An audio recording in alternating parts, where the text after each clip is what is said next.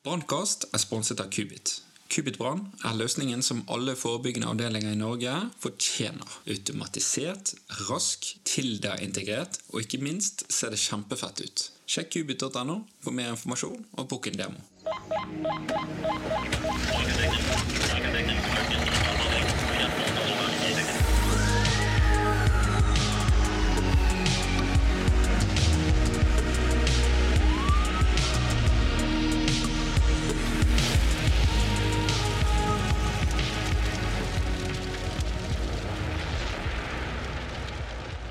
Dagens tema Hva sier forskningen? Til dette så har jeg fått med meg Kristine Skjære fra Kreftregisteret og Nikki Majerisen, også fra Kreftregisteret. Velkommen begge. Takk. Takk. Ja, eh, jeg vil jo først og fremst takke dere for at dere har muligheten til å stille opp til eh, denne podkasten i dag. Eh, det betyr veldig mye for oss, da. Ja, Det er fint. Vi er, en del av jobben vår er jo å formidle forskningen vår, så det, vi er glad for å kunne delta. Mm. Ja, veldig, veldig bra. Så eh, må jeg spørre, eller jeg må egentlig begynne med da, hvor lenge har dere jobbet med dette, og hva har dere eh, gjort? Eh, hvis vi begynner med deg, eh, Kristina. Ja, jeg har jobbet på Kreftregisteret i tre tiår. jobbet stort sett med yrke- og kreftstudier. med brannmannforskning begynte jeg vel å planlegge så smått i, i 2014. Mm. Og du da, Nikki? Ja, jeg har vært uh, ph.d.-stipendiat på Kreftregisteret siden januar 2020. Så ca. to og et halvt år. Og i den tiden har jeg jobbet på den norske studien, den prosjektet som heter Kreftrisiko blant brannmenn. Ja, spennende. Mm. Den kommer vi til å gå litt inn på veldig snart. da. Ja. um, jeg tenker Hvis vi begynner da uh, med um, IARC. Eh, Brannyrket blir jo nettopp klassifisert for å ha en eh, sikker sammenheng i forhold til eh, kreft. Og du Kristina, du var jo en del av IARC sin eh, gruppe. Mm. Eh, kan du fortelle litt om dette her? Ja, først kanskje skal jeg si hva IARC er, hvis ikke alle vet det. Ja, gjerne Det Det, heter, det står for International Agency for Research on Cancer. Og det er WHOs kreftforskningsinstitutt, som ligger i Lyon. Um, IARC har siden, helt siden 1971 klassifisert eh, kreftfremkallende stoffer og påvirkninger um, i fire grupper, egentlig. Nummer én, som er sikkert kreftfremkallende. Uh, 2A, som er sannsynlig kreftfremkallende. 2B, som er mulig kreftfremkallende. Og gruppe 3, som er ikke klassifiserbart. Ja, og der kommer jo Eh, brannyrket innenfor eh, sikker sammenheng, da? Ja, det gjorde det. Eh, vi hadde det er en gruppe på ca. 25 internasjonale forskere som har jobbet i regi av IARC i løpet av det siste året, faktisk. Men I juni så hadde vi ti dagers møte uh, hvor vi gikk gjennom all forskningen. Og konklusjonen ble at hele at yrket ble klassifisert som sikkert kreftfremkallende på bakgrunn av resultater for to kreftsykdommer, nemlig blærekreft og en kreftsykdom som heter mesoteliom, som på norsk gjerne kalles brysthinnekreft. Som, og brysthinnen er altså den, noen cellelag som ligger rundt, som omslutter lungene. Mm. de to kreftsykdommene eh, fant man forskningsmessig grunnlag for å, å, å si at økt risiko blant brannmenn for disse det har sammenheng med yrkeseksponeringer. Ja, ok. Så det er to uh, kreftformer som er sikre. Uh, men hva med disse andre krefttypene, da? Ja, uh, internasjonalt så har det jo kommet fram veldig mange ulike kreftsykdommer som har vært vist å ha økt risiko blant brannkonstabler. Og, og, vi konkluderte med at for fem, fem typer så er det en ganske systematisk en økt risiko, men vi kunne ikke eh, slutte at det var Vi mente ikke at det var sannsynlig at det skyldtes yrkespåvirkninger, men at det mer eh, sannsynlig var andre forhold som lå bak. Og de kreftformene det gjelder, det er tykktarmskreft, prostatakreft, testikkelkreft, øh, føflekkreft, øh, melanom, som det også kalles, eller heter, og eh, en gruppe lymfom, som er lymfekreft. da. Ja, ok. Hvordan er det her med risiko, da? Det Ja, altså det som, det som er viktig å merke seg i IARCs eh, klassifiseringssystem, det er at man vurderer det som på engelsk heter hazard, men som vi kaller risiko. Uh, som vi, har, vi skiller ikke mellom hazard og risk på norsk, men, men vi Hazard betyr at det er en det er en sammenheng, men det sier ikke noe om styrken på sammenhengen. Sånn at derfor så kan en veldig sterk sammenheng som tobakk og kreftrisiko komme i samme gruppe som Altså gruppe 1, sikker sammenheng, eh, komme i samme gruppe som eh, rødt kjøtt og kreftrisiko. Der er det også en sikker sammenheng, men den er ikke tilnærmelsesvis så sterk. Det kan, det kan være litt rart å eh, tenke seg, men det, det er bare eh, Det er bare at man har påvist en økt risiko. Det sier altså ikke noe om størrelsen på risikoen. Det virker jo veldig komplekst, da. Det blir komplekst Ja. uh, å vurdere og få med seg, og ja. Og det høres. Men jeg skjønner jo at det, er veldig vanskelig eh, å, på en måte måle risikoene i det hele. Ja, og, og IARC eh, har ikke som formål på en måte å, å måle risikoen. Eh, den IARC overlater egentlig til nasjonale myndigheter å, ta, å trekke konklusjoner av de hazard, altså de sammenhengene som man påviser, som er sikre. Så må man nasjonalt uh, ta stilling til hvor høy eksponeringen er uh, i, i den befolkningen som myndighetene har ansvar for, og hvilke reguleringer man f.eks. skal ø, Eller politiske tiltak man skal gjøre. da. For det kan jo være veldig ulikt, avhengig av f.eks. hvor mye befolkningen røyker, eller hvor mye rødt kjøtt som blir spist. Hvilket, hva, hvordan man skal forholde seg til en sånn uh, sammenheng. Ja, Det er jo forståelig, fordi vi er jo veldig ulike fra land til land. altså F.eks. Norge og USA. Det er jo veldig store forskjeller på vaner og levemåter. og så det, det skjønner jeg veldig godt at det er sånn. Men um, um, du var jo en del av IARC. altså Hvordan har det vært? Er ikke det spennende, da? Det er veldig spennende, det er veldig intenst, veldig arbeidskrevende. Veldig stimulerende. Ja.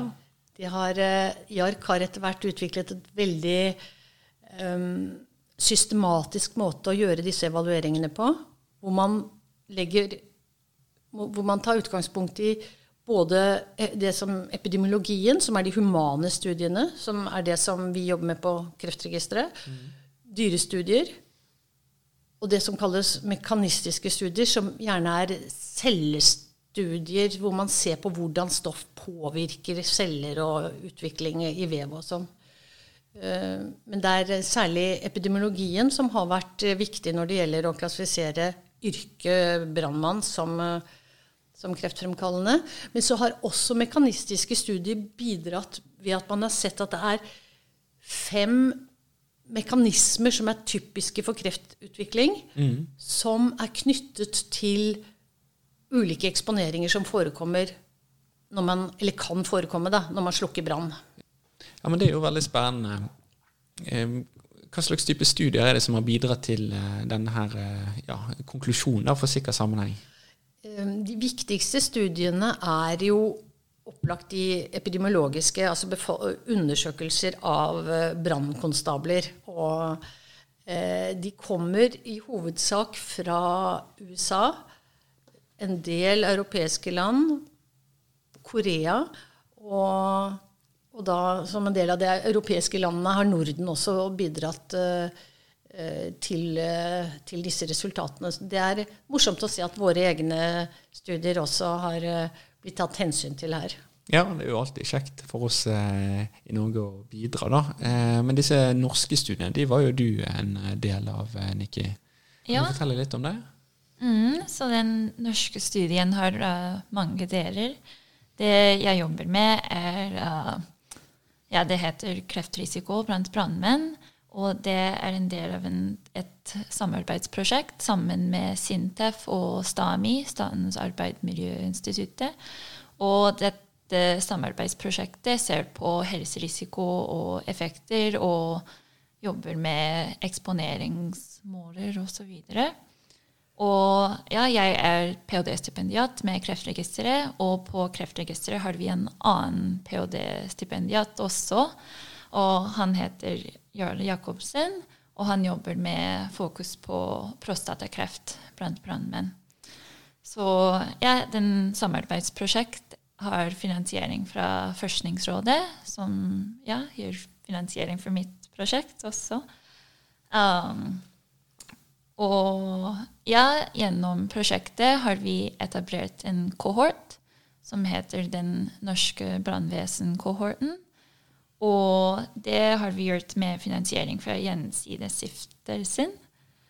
Og um, den kohorten inkluderer 15 brannetater som samarbeidet for å registrere alle ansatte som jobbet på brannvesenene mellom 1950 og 2018. Og de registrerte informasjon om ja, utdanning og hvor de brannmennene jobbet. Og når de begynte å jobbe, når de sluttet å jobbe, og stillingstitler, stillingsprosenter osv. Og ja, det inkluderer ca. 4300 menn. Uh, og blant de det var ca. 3900 brannmenn. Og så vi sammenligner kreftinsidensraten i, um, blant kohorten med den generelle befolkningen. Ja, disse 15 brannvesenene. Det er utrolig spennende at de har kunnet bidra til dette her, da. Ja, ja absolutt. Og de også har uh, fylt ut en kartleggingsskjema. Mm uh, som har informasjon om arbeidsforhold i de brannvesenene. Så f.eks. det inkluderer informasjon om øvelsesbranner, antall dieselkjøretøy og hva slags utstyr var brukt no gjennom 1950 og i dag. Mm. Det er et veldig stort arbeid som de har nedlagt, disse 15 etatene som uh, sa seg villige til å, å være med. De har eh, kostet eh, mange arbeidstimer og helt sikkert mye hodebry. Og vi har, vi har, prøvd å hjelpe dem så godt vi har kunnet. Mm. Eh, men vi setter utrolig pris på den innsatsen de har gjort, for studiene våre hadde ikke vært mulige uten det. Og så har vi i tillegg etablert en referansegruppe med representanter både fra arbeidsgiver- og arbeidstakersiden og uh, direktorater som er involvert i brann og sikkerhet og Arbeidstilsynet og sånn. Um, og Brannmenn mot kreft. Så vi har fått opp gjennom de årene vi har jobbet med dette, fått veldig veldig viktige innspill til hvordan, hva vi skal spørre om, og hvordan vi skal fortolke svarene, og, og forstå uh, som, hvordan brannmenn egentlig jobber. Mm. Ja, Det er jo utrolig bra. Jeg vet jo at eh, brannvesenet hjelper jo til når de kan. og når, Jeg tror jo spesielt når de kan hjelpe seg sjøl, så, eh, så, bidrar de ekstra. da. Så Jeg tror ikke det har vært noen utfordring for deres del, da. Jeg håper jeg. Men eh, hva fant dere ut i denne norske studien, da? Ja, så I første delen av min del av studiet, studien så vi på forekomst av kreftformer som har en kjent sammenheng med eksponeringer som brannmenn utsettes for ved slukking av brann. Og med, gjennom den delen fant vi at brannmenn hadde økt risiko for urinveiskreft og mesoteriom, eller kreft i brysthinne, som Tina nevnte, mm. og strupekreft. Og spesifikt så vi økt risiko blant brannmenn som begynte å jobbe i tidligere perioder, og med lengre tid siden første ansettelse og med lengre varighet av ansettelse. Ja, ok, Så de som har vært lenge i yrket og har fått, eh, mm. kanskje har fått store eksponeringer da, over tid, så, så mm. de har en økt risiko for de tre kreftformene i deres studie? da, ja. ja. Mm. Og disse typene kreft har sammenhenger med ulike eksponeringer, Så f.eks. polysyklisk aromatisk hydrokarboner, eller PAH-er, et biprodukt av forbrenning. Og dieseleksos og asbest. Og funnene støtter hypotesen om yrkesrelasjon mellom kreftrisiko og de eksponeringene brannmenn ut. Ja. Jeg syns jo det er interessant og, og morsomt å se at uh, de to kreftsykdommene som IARC konkluderte med ha, var uh, relatert til yrkeseksponering, de finner også vi økt i, i risiko for i, i, den norske studien. Uh, så det, det er ikke akkurat hyggelig å se, men, men det bekre, liksom det, støtter, det, støtter, jo opp om, om, det som man har sett generelt, og det støtter jo på en måte uh, gyldigheten av vår studie. da, Altså mm. at, at, den er, er god. mm. det, er jo, det, er jo, kjekt at de kreftformene som dere har oppdaget at det var en høyere risiko for, uh, mm. også støtter opp mot IARC sin konklusjon. da. Det forteller jo litt om kvaliteten på, også på forskningen. da. Um, men dette her med forskning, det er jo, ja, det er jo egentlig ganske komplekst, virker det som. Um, ja, hvis jeg begynner egentlig ganske på å hvor hvordan er egentlig denne forskningen altså, Hvordan er det man går fram for å få tak i dette? Altså, hvordan gjennomføres dette? Ja, du kan si at det ser veldig enkelt ut, når man, eller det høres veldig enkelt ut når man beskriver hva man gjør. For det er faktisk rett og slett å sammenligne kreftforekomst eller kreftdødelighet, som også noen studier ser på, eh, blant grupper av brannmenn med den generelle befolkningen eller andre f.eks. grupper av politifolk eller eh, andre eh, kontrollgrupper eller referansegrupper. Og det er enkelt å gjøre. Det er arbeidskrevende å, å samle dataene, det er så, men det er enkelt å gjennomføre. Men det er komplekst å, å fortolke Eh, hvis eh, det er de eneste dataene man egentlig har, for det er en veldig grov sammenligning eh, de, Veldig mange av studiene på dette feltet er så enkel karakter at, at man bare vet at noen har vært brannmenn, og andre sannsynligvis ikke har vært det. um, Mens eh, de mer eh, hva skal vi si, utviklede, tyngre studiene de kan også ha informasjon om varig, hvor lenge man har jobbet som brannmann. Mm. Og hvilke stillinger f.eks. man har hatt, eller til og med noen beregninger av hvor mange branner man har deltatt Altså rykket ut til i løpet av hvert år, f.eks. Mm. Og, og kanskje typebranner til og med også.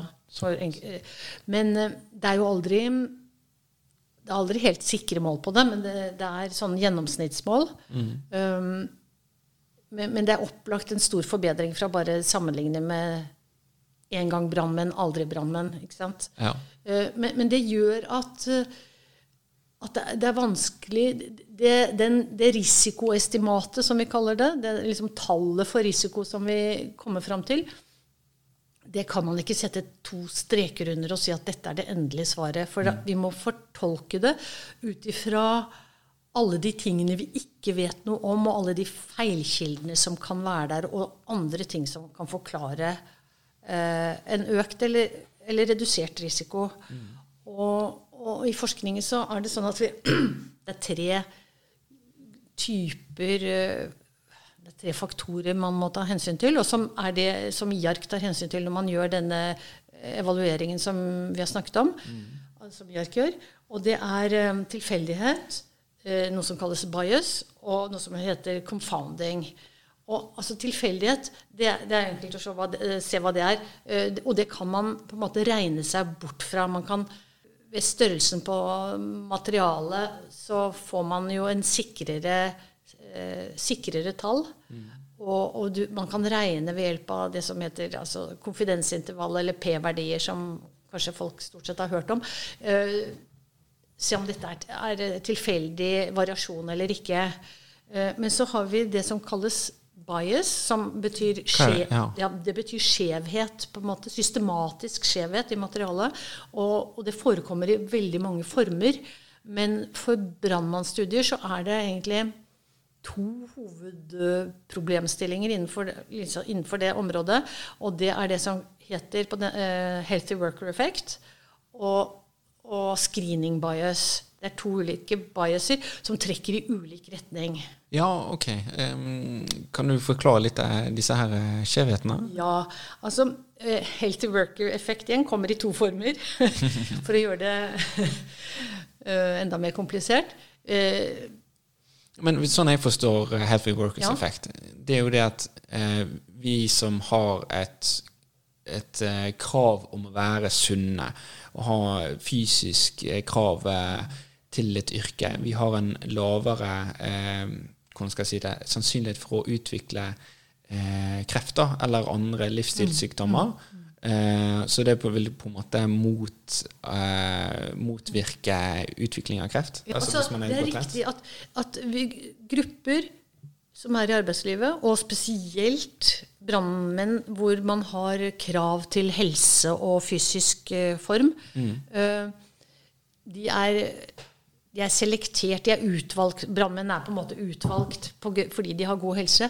Og, og når man undersøker dem og sammenligner med befolkningen, så vil man kunne få en lavere risiko, altså finne at de har lavere risiko for kreft enn det som egentlig Altså det vil skjule en, vil skjule en mulig farlig eksponering fordi de i utgangspunktet har lavere risiko.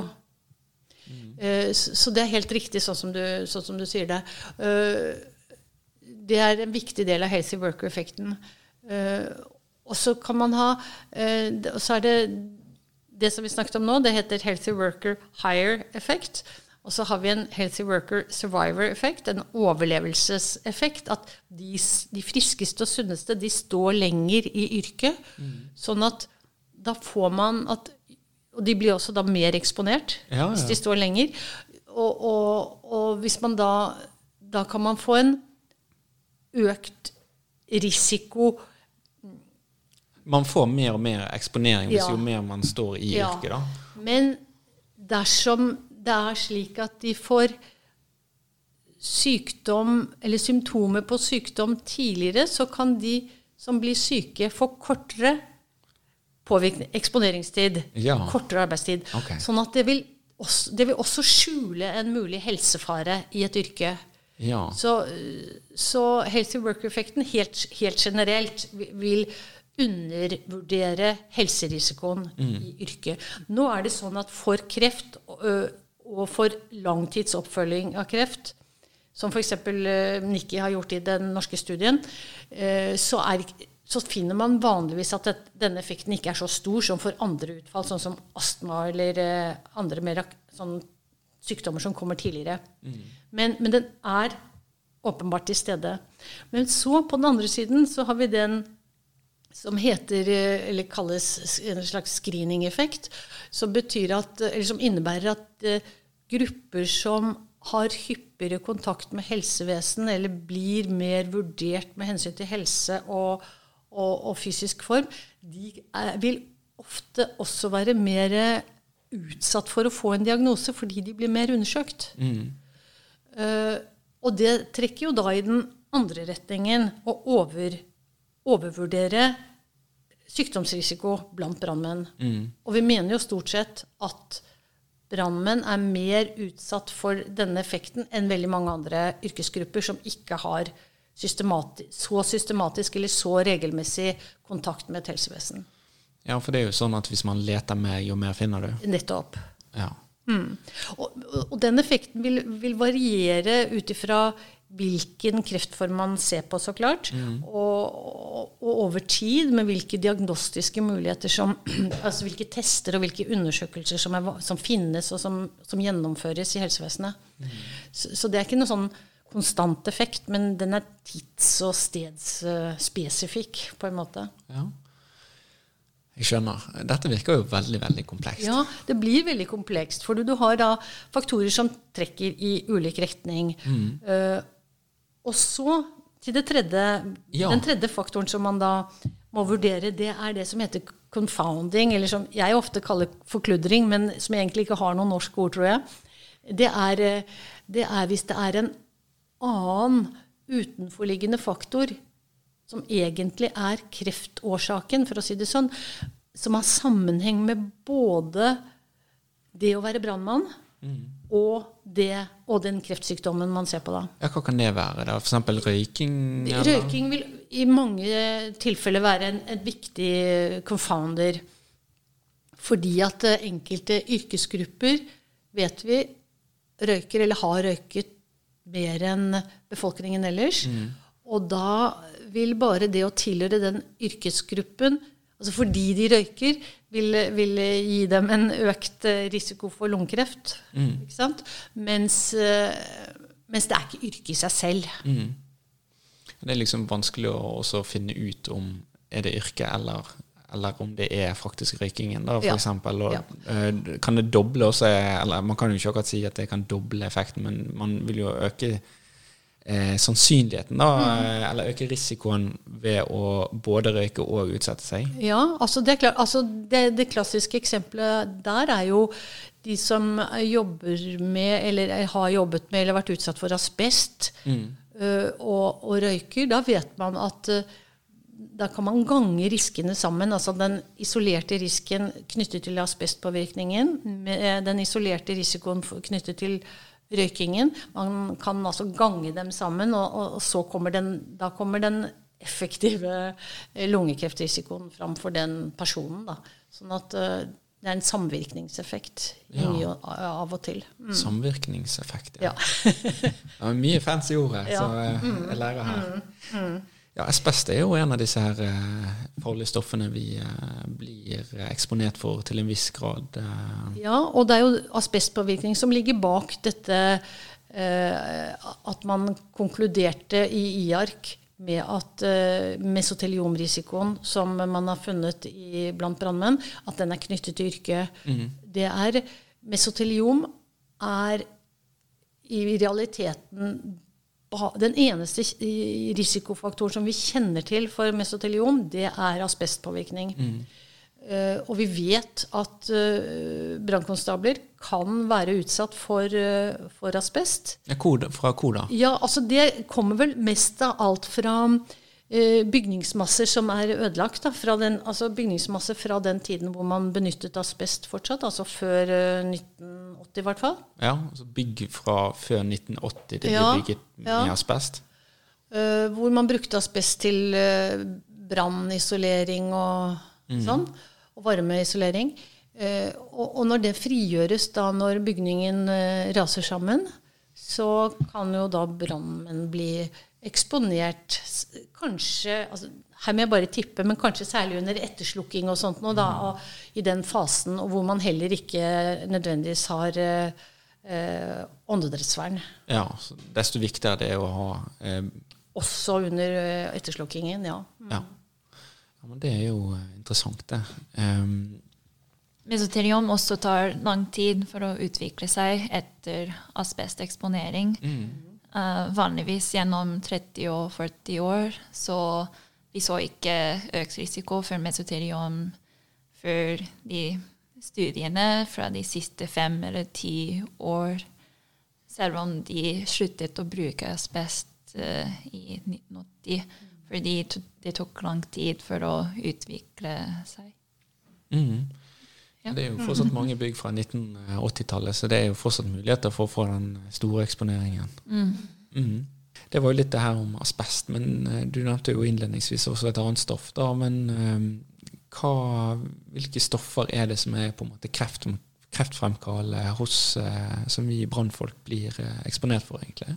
Mm, så den hovedeksponeringen kanskje er det man finner på branner. Så det er biprodukter av forbrenning, som nevnte, så PAH-er.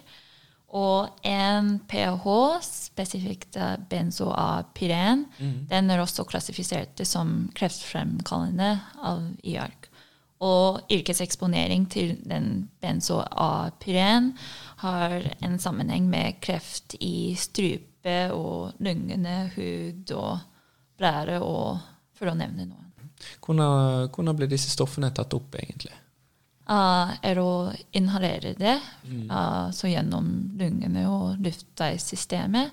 Eller sånn var det i histor historikk. Lang tid Ja. siden. Men nå bruker for det meste brannmenn uh, god utstyr gjennom alle faser av brannslukking. Så nå er det mulig at uh, eksponeringer går gjennom hud. Ja, ok, spennende. Så, så da er det slik da at eh, selv om vi har pusteløft og blir beskyttet med det, så kan vi fortsatt bli eksponert gjennom huden. Det er korrekt å forstå? Ja. Mm. Og Hvorfor det, egentlig? Vi ser jo det at til og, til og med det veldig moderne, beste vernebekledningen, eh, så kan man måle hudopptak av både partikler og, og, og løsemidler. Um, særlig på der hvor det er åpninger, altså nakke, hals, der hvor det er glidelåser, rundt håndledd og rundt uh, der som støvlene slutter og sånn. Um, så det, det kan godt være at det er det viktigste uh, opptaksveien i moderne, nå i moderne tider. Og, og det setter jo søkelyset på betydningen av både vernebekledningen og, og videre utvikling. Så, så det ikke bare Det må jo beskytte mot varme, men også uh, får til en regulering som, uh, som gjør at det kanskje kan beskytte bedre mot, uh, mot sånt opptak. Men også betydningen av ren, rengjøring av, av tøyet og undertøyet. Og hvordan man tar av seg, rett og slett. Altså for man kan forurense seg selv idet man tar av hjelmen, ikke sant. Og bruker hendene på og kommer i kontakt med egen hud etterpå og sånn. Ja. Mm, ja, for, for det er sånn å forstå at når man blir varm, da, så åpner porene seg. Ja. Og da blir man mer eh, altså, mottagelig for disse stoffene. Og så når vi tar av oss på, eh, på skadestedet, så, så kan vi begynne å smøre eh, regelrett drit inn i, inn i porene, f.eks. Det er klart at huden absorberer mer når den er varm, ja. Så svetten går ut, og driten kommer inn. Riktig? Ja, du kan si det sånn. Ja. Men det er jo veldig eh, spennende. Ja, ehm, da har vi litt om eh, stoffer og eksponering. Men eh, sånn datagrunnlag og sånn som det der, hvordan er egentlig eh, dette her? Altså Har vi godt nok eh, datagrunnlag i eh, Norge? Vi ser, vi ser jo det at vi trenger mer informasjon. Eh, Der er- studiene er, som jeg sa, ganske enkle. Vi har bare Vi, vi vet for lite, faktisk. Sånn at eh, vi, vi trenger ikke minst eh, mer bakgrunnsinformasjon for, for å komme videre med konklusjoner om hva som er eh, relatert til yrket, og hvilke farer som, eh, som brannkonstabler utsettes for. Um, så må vi vite, eller bør vi vite mer om bakgrunnsvariabler som altså Vi skulle gjerne visst om røyking og alkoholkonsum og kosthold og fysisk aktivitet og vekt og vektutvikling og ja eh, Det høres ut som overvåking, og det er vel nesten det også. Eh, Men det er mange sånne faktorer som hadde hjulpet veldig til å, til å mm, trekke konklusjoner. Da.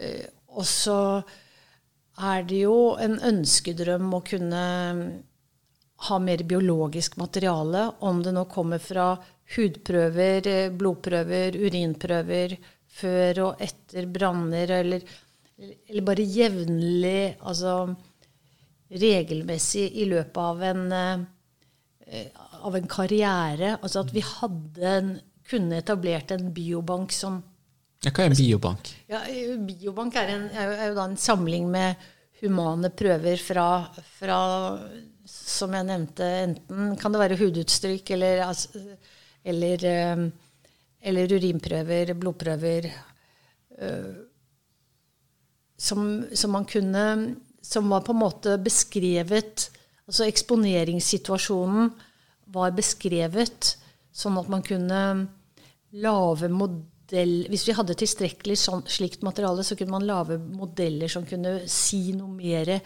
konkret og spesifikt om brannmenns eksponeringer, som ville gjort at vi kom nærmere til å forstå i hvilken grad risiko er knyttet til yrket, og også da hvilke, hvilke eksponeringer helt, helt spesifikt som, som, er viktige.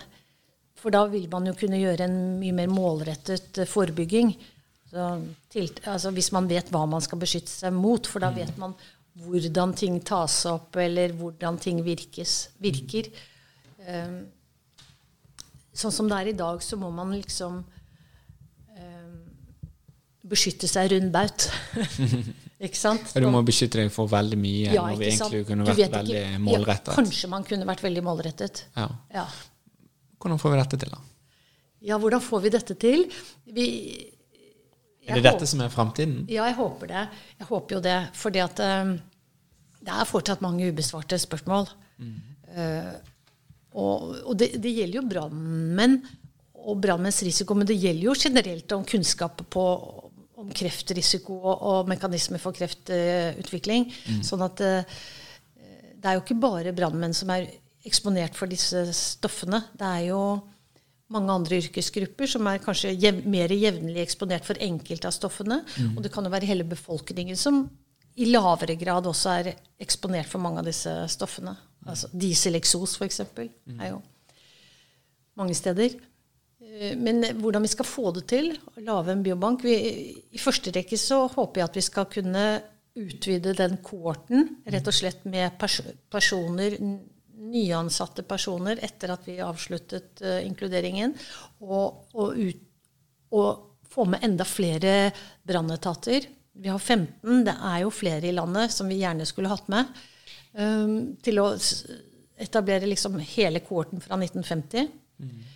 Uh, og så må vi jo ha noen som er interessert i å tenke litt langsiktig. fordi at en biobank vil ikke være nyttig det første året eller to. Mm. Det, det, tar tid før, før, man får noe ut av det. Og det er mange investeringer før den tid. Men uh, med, med, tanke på så mange og komplekse og varierte eksponeringer som brannmenn har, så hadde det vært veldig spennende å utforske det videre. Ja, det tror jeg. Og Der tror jeg eh, svaret på det er jo kanskje opp mot eh, fagskole. da. Alle de som begynner på fagskole, eh, kunne mm. tatt en sånn screening. Eh, og mm. Jeg vet ikke, jeg. Mm. Hvis DSB hører på, så bør dere kjenne deres besøkelsestid. Ja, biobank, det må jo være din uh, våte drøm, eh, Kristine. ja, jeg har sagt det sånn før, ja. Men uh, hvordan, hva, er din, hva, er din, store drøm, eller hvordan ser fremtiden ut for din del? da? Ja, så for prosjektet fortsetter vi å jobbe med analyse av kreftrisiko blant brannmenn i kohorten. Så opp til nå har vi gjort eksterne sammenligninger med den generelle befolkningen. Men nå vil vi gjøre intern sammenligninger med høyt og lavt eksponert i kohorten. Så for å gjøre det skal vi, vi prøver å lage et uh, mer detaljert surrogat av mm. eksponering som slår sammen informasjon om brannstatistikk, hvor mange brannstasjoner gikk til, um, og arbeidsforhold på stasjoner, så f.eks. hvis de, hva slags utstyr de brukte osv. Og, og arbeidshistorikk for hver person i kohorten. Så hvor lenge de jobbet i um, en stilling med høy eksponering eller på kontoret. Uh, ja, så med dette surrogatet skal vi gjøre litt uh, mer detaljert analyser. Og jeg skal fokusere på blærekreft, uh, som vi fant uh, høy, økt risiko til i første delen av studien, og som var nevnt i IARC sin evaluering. Og Jarle også skal jobbe med fokus på prostatakreft. Ja, spennende. Hvor lenge kommer du til å holde på med det? da? Dette neste året. Mm. Ja. Spennende, da. Mm. Da vil dette her bli en del av eh, din doktorgradavhandling? Ja. Ja, ja men eh, ja. Da må du ha masse lykke til med det, da. Ja, takk. Yes, Da tenker jeg at vi uh, runder av. Uh, vi har kommet til veiens ende. Uh, dette har vært utrolig lærerikt. og tusen takk for bidraget deres rundt kreft. Dette hjelper veldig. Hyggelig å være med. Yes. Tusen takk. Da var episoden ferdig. Inntil neste gang.